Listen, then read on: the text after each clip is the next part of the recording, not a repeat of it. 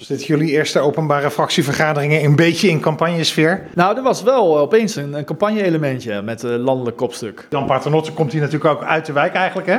Nou ja, hij komt hier nog steeds heel vaak eh, in de wijk en hij was jarenlang hier uh, vlakbij in de buurt uh, woonachtig. Dus ja. hij, hij, hij, mocht ook als, als betrokken buurtbewoner mocht hij langskomen. En ook nog een handjevol, het waren niet echt heel erg veel buurtbewoners, maar het leverde wel wat op, hè?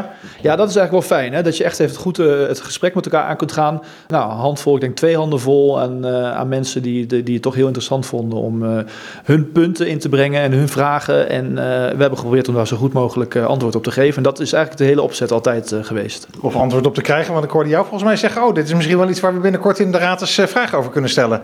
Ja, als iemand een actueel punt heeft over een gevaarlijke situatie, en, dan, dan denk ik: hé, hey, daar moeten we gelijk actie op ondernemen en niet wachten tot het, tot het te laat is. Jullie zijn hier begin dit jaar mee begonnen. hoe bevalt het tot nu toe? Ja, Chris, ik vind het ontzettend leuk. Dit is echt een schot in de roos. Elke maand gaan we naar een andere plek uh, en we horen van andere mensen, uh, betrokkenen, wat er leeft en, uh, en speelt.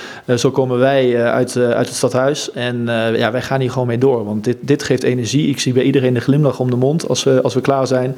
inmiddels zijn we er goed in geworden om onze eigen onderwerpen en de vragen goed, goed te behandelen. Dus ja, wij gaan hier echt mee door.